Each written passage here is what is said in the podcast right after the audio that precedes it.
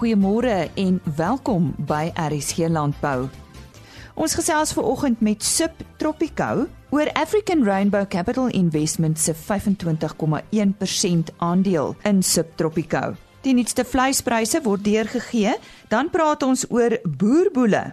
In weerwaarhede praat Johan van der Berg oor lugvog en nog nuus oor die Laaveld Agrochem Sail Safari. Ons gesels met die Suid-Afrikaanse persoonlikheid Donnelly Roberts oor haar betrokkeheid by hierdie opwindende bootreis. ARC of African Rainbow Capital Investments het 'n 25,1% aandeel in Subtropico bekom. Ons vind ver oggend eers uit wie is Subtropico en wat beteken hierdie aandelehouding vir hulle aandeelhouers. Aan die woord die hoofuitvoerende beampte, Dr Piet Botha. Goeiemôre, goeiemôre aan die luisteraars. Ja, baie dankie. Subtropica is 'n publieke maatskappy met omtrent 250 aandeelhouers. Ons is 'n beleggingsmaatskappy in die landbou. Ons het verskeie maatskappye wat in die landbousektor opereer. Uh ons is omtrent so 20 jaar oud. Ons het 'n paar bekende maatskappye onder andere Subtropica Markagente wat op 14 nasionale varsprodukte markte handel dryf met uh, 'n omset van so 3 miljard aan van produsente se produkte.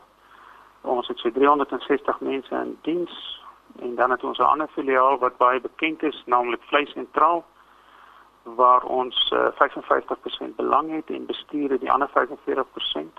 Vleis Sentraal is natuurlik een van die bekendste maatskappye in die landbou in Suid-Afrika. Ons uh, doen so 4 miljard rand se omset van lewenawe namens produsente Ons dryf handel deur 93 veilingpunte en ons doen so 1600 veilings per jaar. Dit kom neer op omtrent 6 veilings per dag. Ons het 5 bedryfsmaatskappye onder andere in Bethlehem, Bosveld, Ermelo, KwaZulu-Natal, Bloemfontein met takke in Kimberley, Klerksdorp en Frankfurt. So 'n redelike bekende maatskappy en 'n baie suksesvolle maatskappy omtrent 80 jaar al wat hy besigheid doen ehm uh, in die in die landbousektor. Nou die eintlike rede hoekom ons met julle gesels ver oggend is ARCI ARCI of African Rainbow Capital Investments het 'n 25,1% aandeel in julle bekom. Maar eerstens uh, voor ons by die rede daarvoor kom, so wie presies is African Rainbow Capital Investments? En RCI soos wat hulle ook kortliks bestaan is um, is begin deur Patrice Motsepe, eh, Johan van Sail en Johan van der Merwe. Uh, dis 'n swart bemagtigingsmaatskappy wat uh, op die effektebeurs genoteer is. Hulle is onlangs genoteer en hulle het 'n markkapitalisasie van omtrent so 20 miljard rand. Die redes uh, vir hoekom hulle in ons belê het, uh, sal Johan van Sail seker beter kan verduidelik. Maar ek dink Subtropica het 'n baie goeie rekord van groei en winsgewendheid en ons het in die laaste 20 jaar nog nooit ons dividend weggelaat of verminder nie. So dit is 'n maatskappy wat oor 'n lang tyd gegroei het en ek dink uh Johan van Sail en Johan van der Merwe uh, hulle het dit raak gesien en ehm um, en ons belê. Wat beteken hierdie belegging nou vir julle aandeelhouers? Kyk, wat vir ons belangrik is, ons het nou ehm uh, 'n swart bemagtigingsmaatskappy uh wat 25.1% in ons belê. Ons het uh, van tyd tot tyd druk op uh die munisipale markte om ons uh gradering bietjie op te stoot en dit sal baie help in daai opsig. Uh maar uh, saam met dit het ons ook 'n klomp geld wat in die maatskappy belê word. So die RCI direk in ons belê en dis geld wat in die maatskappy invloei wat ons gaan gebruik vir uitbreiding in ons filiale en ook om ander besigheidsaangeleenthede te benut wat na ons kant toe kom. Dit was dan die hoofuitvoerende beampte van Subtropico, Dr Piet Botha. Chris Derksen is steeds uitstedig en daarom is dit my voorreg om weer vanoggend vir u die nuutste vleispryse deur te gee. Dit is pryse wat behaal is by veilinge in die Noord-Vrystaat en die datum van hierdie veilinge was Dinsdag 24 Oktober. Die pryse is soos volg: Speenkalvers onder 200 kg R39.45. Tussen 200 en 250 kg R37.23 en oor 250 kg R36.99. A klasse R26.31, B klasse R22.66. C klasse vetoeie R21.31 en C klasse maaroeie tussen R17.80 en R19.33. Slagbulle R23.59 en vanaf die skaapmark stoorlammers R44.20, slaglammers R36.01, stoorskape R26.35 en vetskape R25.81. Kom ons kyk wat het met die bokke gebeur. Lammers R46 en ooe R27.54. Vir pryse en verdere tendense, besoek gerus www.vleisprys.co.za. So eie aan sy naam het die boerbul hom oor die jare bewys as uitstekende beskermer op plase. Met sy inherente instinkte is daar al heelwat gevalle waar die honde hulle families tot die dood toe beskerm het. Nou ons gesels nou met Christel van Vieren. Sy is die eienaar van Ultra Inyati boerboele oor hierdie eg Suid-Afrikaanse honderas. Nou Christel, is lekker om vanoggend met jou te praat. Gesels bietjie met ons oor die geskiedenis van die ras. Hoe is hulle oorspronklik geteel? Baie dankie Lize, dit is 'n voorreg om met julle te kan praat.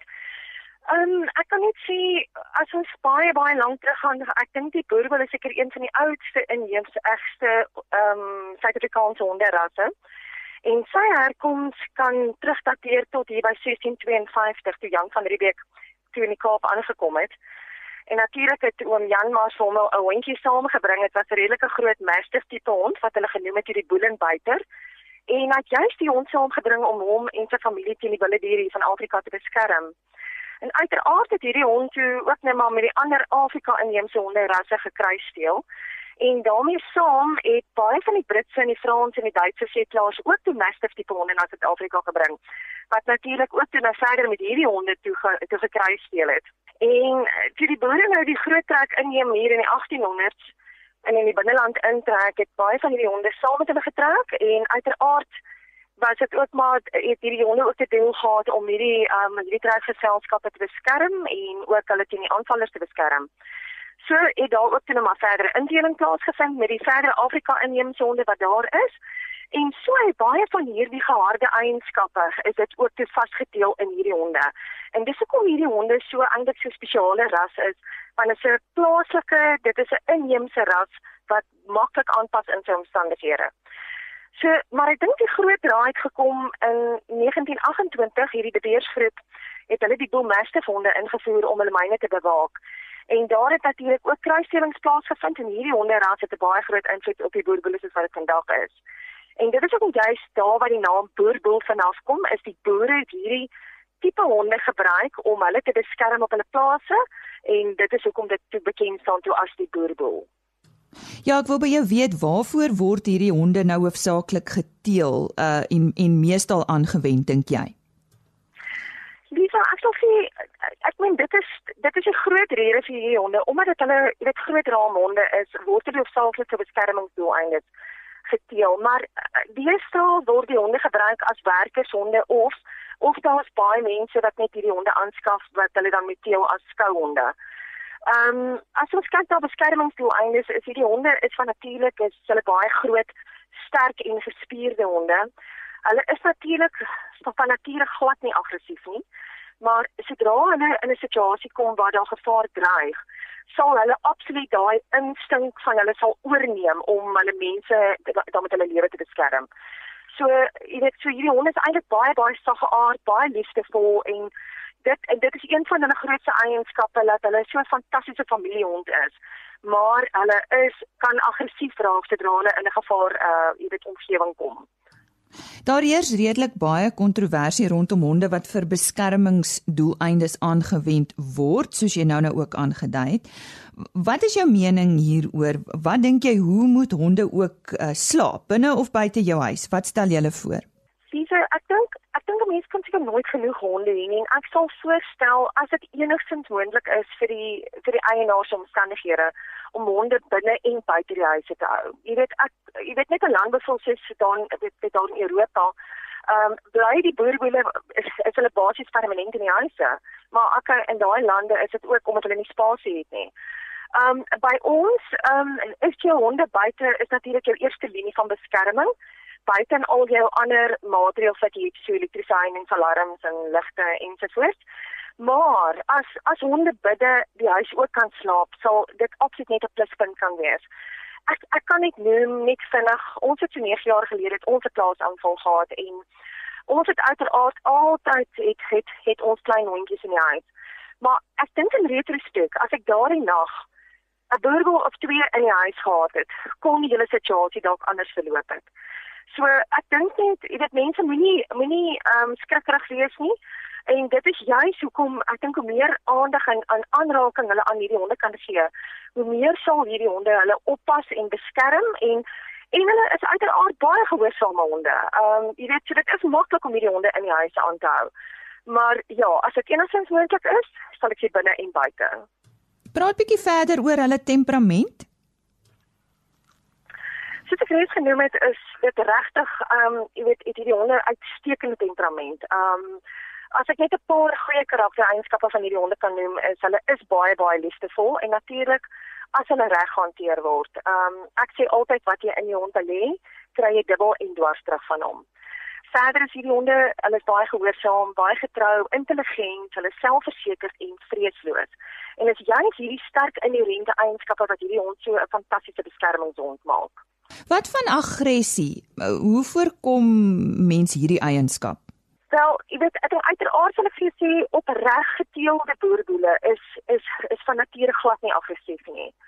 Ehm um, maar aggressie kan voorkom, ehm um, waar daar kruisstellings plaasgevind het met ander honderrasse, want jy weet nooit wat is vasgesteel wat is vasgeteel in 'n ander honderras.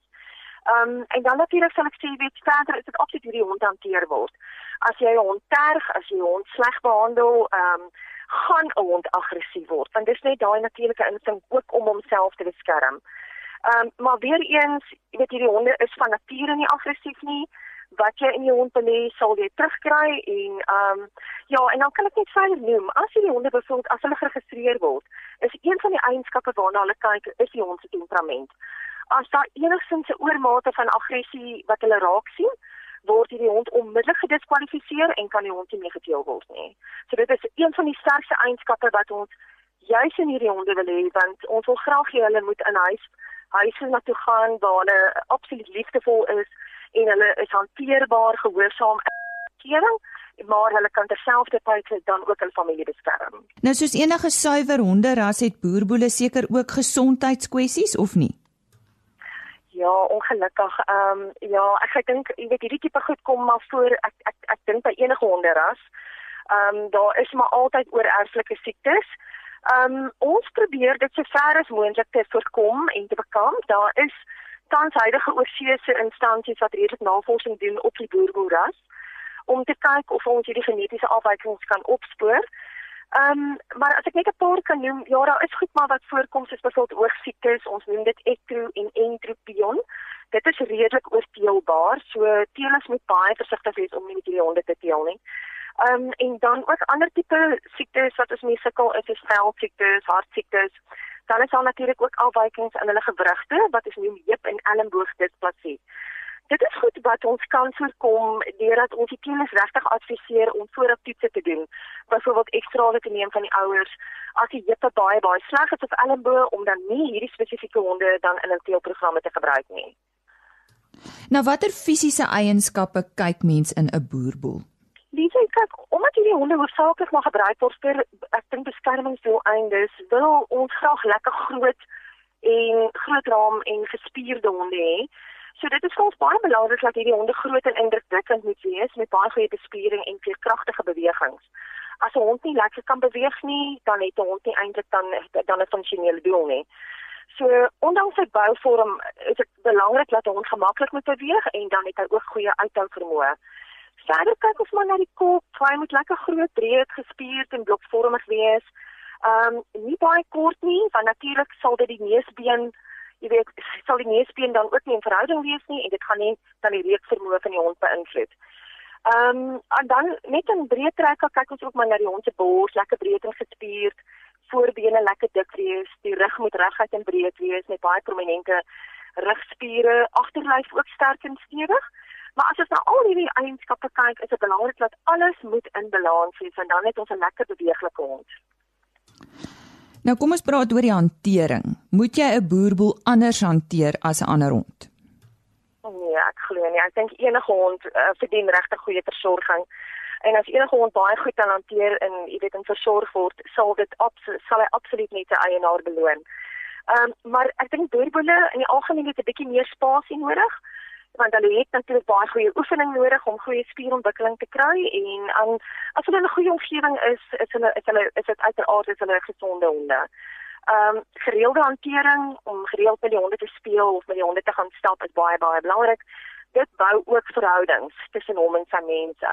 En hierdie honde is van nature van so 'n aard omdat hulle hulle mense wil beskerm, wil hulle graag naby hulle mense wees. So ehm um, ja, ek dink dis baie belangrik om hierdie honde goed en reg te hanteer, want dan gaan jy nie, weet, ek dink 'n ooraggressiewe hond kry nie. Dit gaan 'n gesonde en 'n baie funksionele hond wees.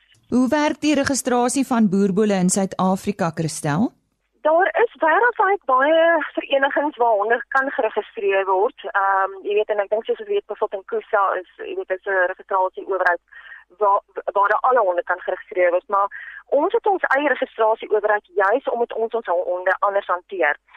Daar bestaan egter wêreldwyd is daar verenigings waar hierdie boere geregistreer word, maar die meeste boere boere in Suid-Afrika en wêreldwyd word by die Suid-Afrikaanse Boerebeheervereniging SAPS word hulle geregistreer. En dan kan ek ook net noem ons is nou die afgelope 4 jaar is ons by ESA stamboek geappelleer.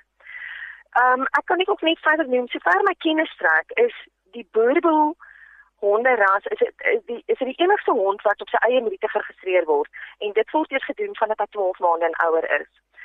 Met so 'n registrasieproses eh, word daar dan na die fenotipiese teelwaarde van die hond gekyk en dan sodra hierdie hond aan die volledige rasstandaard voldoen en die keuringsproses slaag, dan word hy in die database van SA stamboek opgeneem.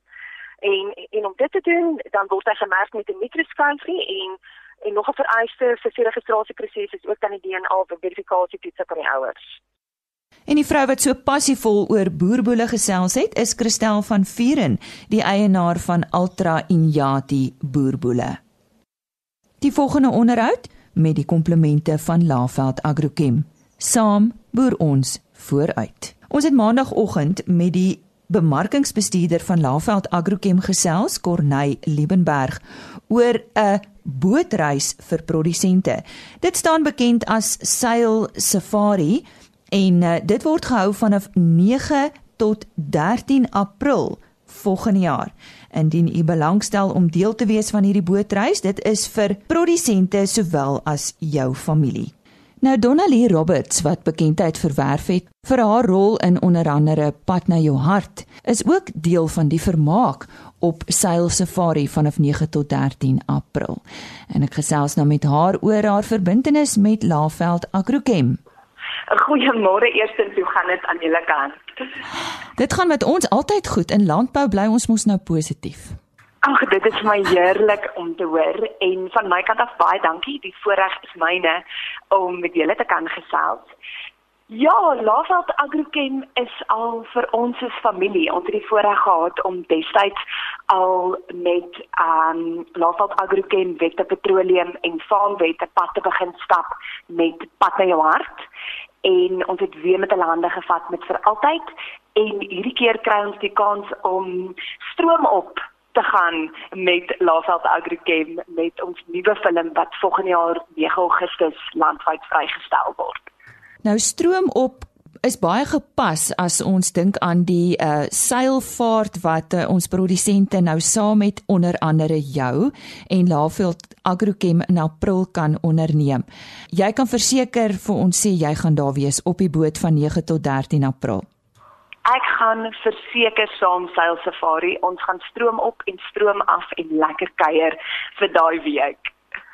Donali, wat gaan jy bied vir uh, ons produsente en hulle familie op die boot?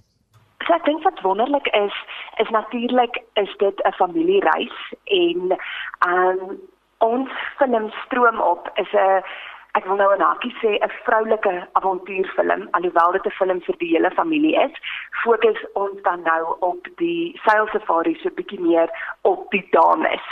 So dis ons verantwoordelikheid om 'n lekker tyd te hê saam met die dames op die boot terwyl baie van die mans deel vorm van uh lesings en aktiwiteite wat uh op die sail safari aangebied gaan word in spesifiek gefokus op landbou in ons land en ons het 'n uh, stroom op inspirasie aand waar ons gaan um, net lekker saam kuier as vrouens en vriendinne en ma's en dogters en sissies en net regtig 'n spesiale tyd saam met mekaar het. Daar's dieper boodskappe in die film wat ons al vooraf die geleentheid gaan kry om te deel met vrouens vir die die lewensreis waarop vrouens ook gaan. Donalie, uh, so 'n bietjie oor jou um, en jou uh, verbintenis met 'n plaas. Is is jy 'n plaasmeisie? Het jy op 'n plaas groot geword? Ek het ongelukkig nie. Ek sou dit gelief het om op 'n plaas te kon groot word, want ek was 'n bietjie van die spreekwoordelike tomboy as 'n klein dogtertjie. so ek het nog altyd dit verskriklik geniet om buite te wees. My familie, my ouma het wel hulle boer in die Vrystaat op Koppies. So ek het wel die geleentheid as 'n dogtertjie gekry om baie by my neefies te gaan kuier en tyd op die plaas te spandeer alhoewel ek nie daar groot geword het nie. Nou ja, dit was Donalie Roberts wat natuurlik ook deel sal wees van Sail Safari. Vir meer inligting oor hierdie bootreis, besoek gerus www.sailsafari.co.za en die sail is die Afrikaanse S E I L. En daardie onderhoud is uitgesaai met die vriendelike samewerking van Laveld Agrochem. Saam boer ons vooruit. Ons sluit nou eers aan by Henny Maas. Weer waarhede saam met Johan van der Berg.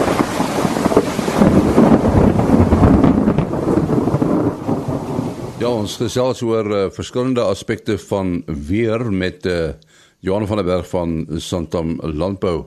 Weer waarhede. Waaroor praat ons uh, hierdie keer Johan? Nee, ja, ons praat uh, oor lugvog. En mens kan onderskei tussen twee metingsmetodes van dit. Die ene is relatiewe lugvog of relatiewe humiditeit. Die ander is, is die die spesifieke hoeveelheid lugvog. Nou uh die relatiewe humiditeit of relatiewe lugvog hang af van die temperatuur. Hoe hoër die temperatuur, hoe meer lugvog kan daar voorkom. So die relatiewe humiditeit of relatiewe lugvog is die verskil tussen die potensiële hoeveelheid lugvog by 'n spesifieke temperatuur uh en dit wat dan gemeet word. So dit word uitgedruk as 'n persentasie. So as die potensiële en die werklike lugvog baie naby aan mekaar is, uh dan gaan dit nader na 100% toe wat ons sê baie vogtig en dan in die woestynklimaat um, is dit baie droog en dan gaan dit nader aan nul. So dit is die relatiewe lugvog. Die spesifieke hoeveelheid lugvog word uitgedruk as die hoeveelheid water per volume lug. Maar uh, ons gebruik altyd die relatiewe humiditeit, die relatiewe een, want dit is soos die plante daar kan ervaar en dit is 'n funksie van temperatuur. Nou interessant, uh, relatiewe humiditeit of relatiewe lugvog word gemeet met 'n hygrometer. Uh nou in die ou tyd is dit meganies gemeet deur is dun stringetjie hare en gewoonlik is dit menshare uh wat gekoppel is aan 'n arm uh met 'n pen vooraan wat op 'n grafiekpapier skryf. So hierdie grafiekpapier is om 'n klok wat 24 uur loop of op 'n weeklikse basis loop En wat dan interessant is, soos wat die lug vogtiger word, uh neem die hare die vog op en dit raak 'n bietjie langer en dit registreer dan op die klok en dan die omgekeerde ook. Nou in die verlede moes daai hare baie keer skoon gemaak word want as daar stof of sout te aanpak, dan is die metings nie meer reg nie. Met nuwe tegnologie uh is dit word elektronies op dataloggers gemeet Uh maar dit moet ook gereeld gekalibreer word dan. Nou, wat is die waarde of hoe pas dit in by landbou? By 'n hoë relatiewe humiditeit is daar minder verdamping.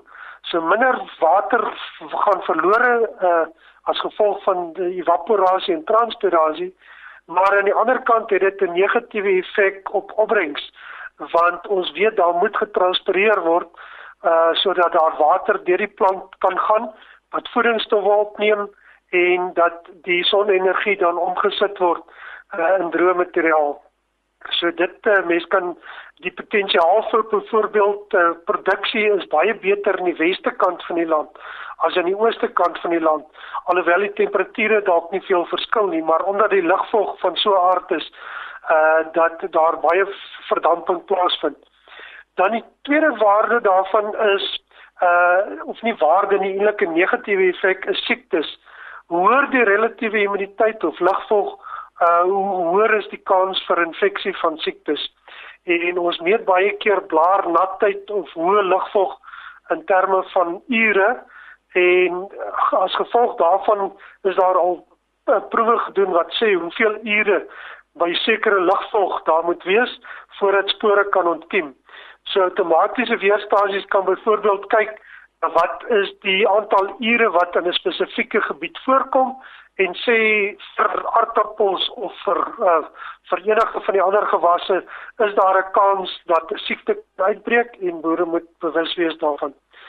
Ehm um, dan die ander ding wat interessant is, um, is die ongemaksindeks wat 'n mens en of mense en diere ervaar. Hoe hoër die temperatuur is, hoe warmer is dit natuurlik, maar ons het ervaar dit nie altyd so nie. Want as die lugvog hoog is, dan ervaar ons dit as baie warmer want ons kan nie sweet nie en die hitte bou op. So ons kan uh, met uh, redelike lae lugvog as ons genoeg water inneem en ons kan sweet, ervaar ons nie die hoë temperature so erg soos wat dit sou gewees het met met hoë lugvog nie. Dan ehm um, wat ook interessant is, uh, baie keer mense sê die verskil tussen die maksimum en minimum temperatuur is 'n aanduiding van of daar lugvog of daar reën is. En dit is nogal waar want lugvog buffer eintlik dat temperature nie baie verskil tussen dag en nag of maksimum en minimum nie.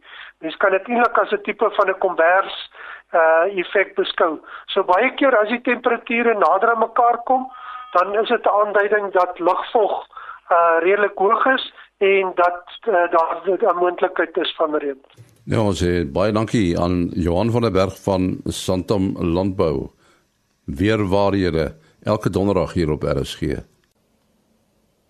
En onthou altyd op 'n donderdagoggend weer waarhede. Ek groet u dan tot maandagooggend, maar Chris Viljoen sal wel môreoggend om kwart voor 5 op sy pos wees met nog landbou nuus, as ook saterdagoggend om kwart voor 12. Ek vertrou dat u naweek goed sal wees en dat dit nog steeds sal reën waar dit nodig is. Totsiens. RSG Landbou is 'n produksie van Blast Publishing. Produksieregisseur Henny Maas. Aanbieding Lisa Roberts en 'n notas koördineerder Jolande Root.